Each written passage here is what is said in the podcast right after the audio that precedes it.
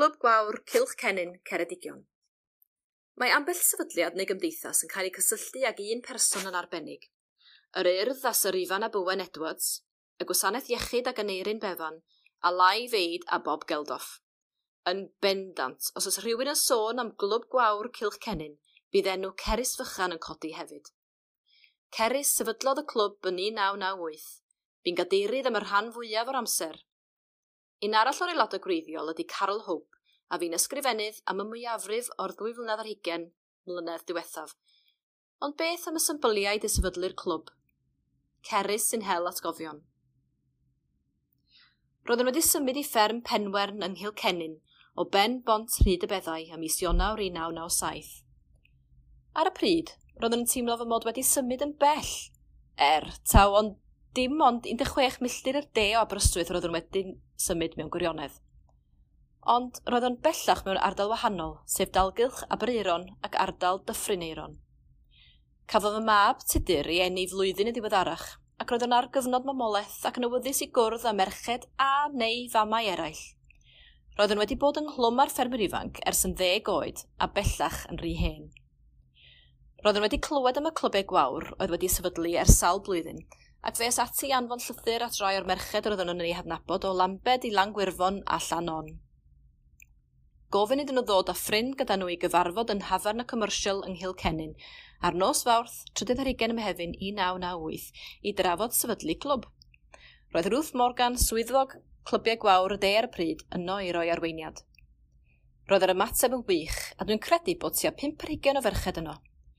Y gweithgaredd cyntaf oedd noson ym Mhenros yn nofio ac ymlacio cyn cael swper. Mae mynd allan i fwyta wedi bod ar ein rhaglen rheolaidd ers hynny. Caiff pob aelod gyfle i drefnu noson, fel nad yw'n faich ar neb. Mae pawb yn cael lleisio i barn ac yn sydyn iawn mae'r rhaglen wedi ei threfnu.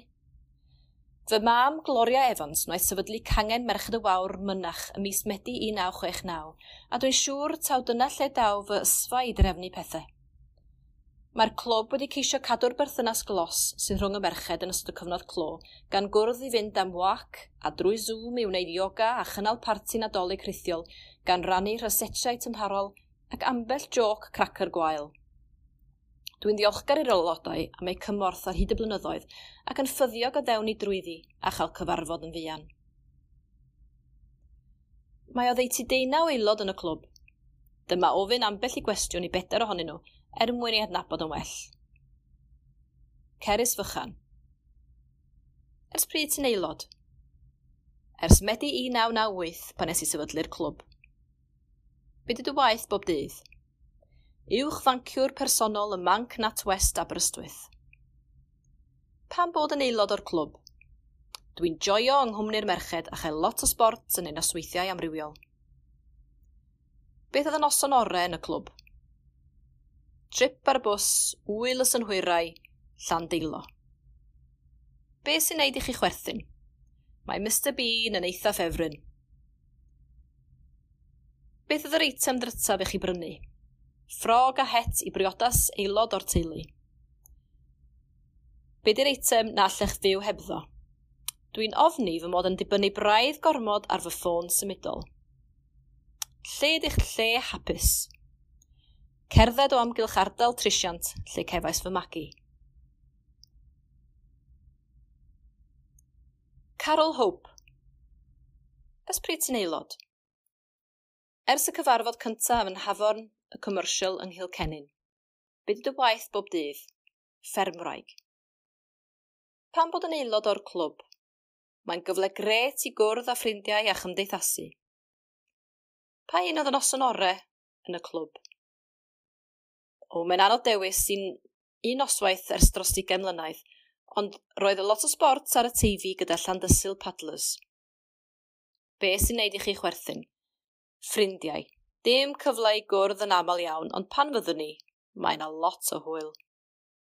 Be di'r eitem drytaf i chi brynu? Ffrog a fascinator i brodas nith, saith mlynedd yn ôl – Be di'r eitem na allech fyw hebddo? Hufen wyneb.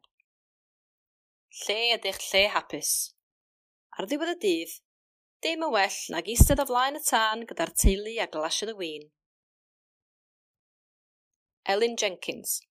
Ers pryd sy'n aelod? Ers 2018. Be dy dy waith bob dydd?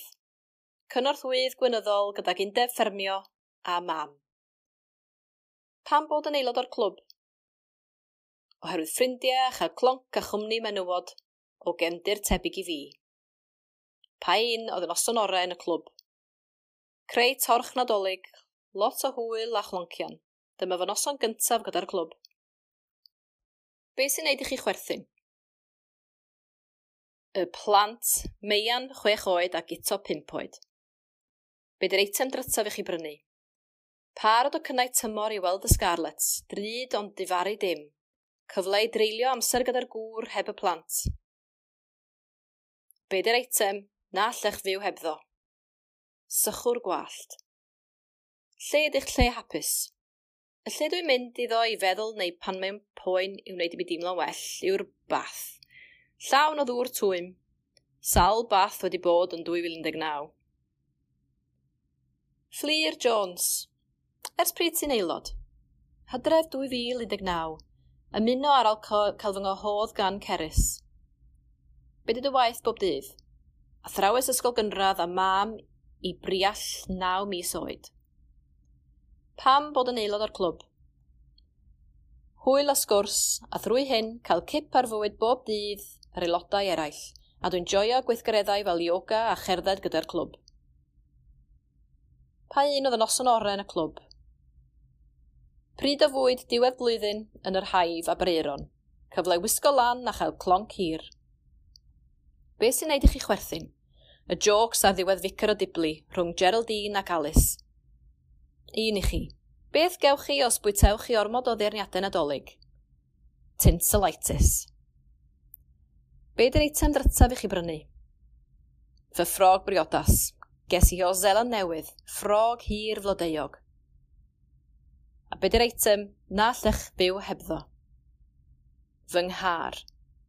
Annibyniaeth. Lle ydych lle hapus?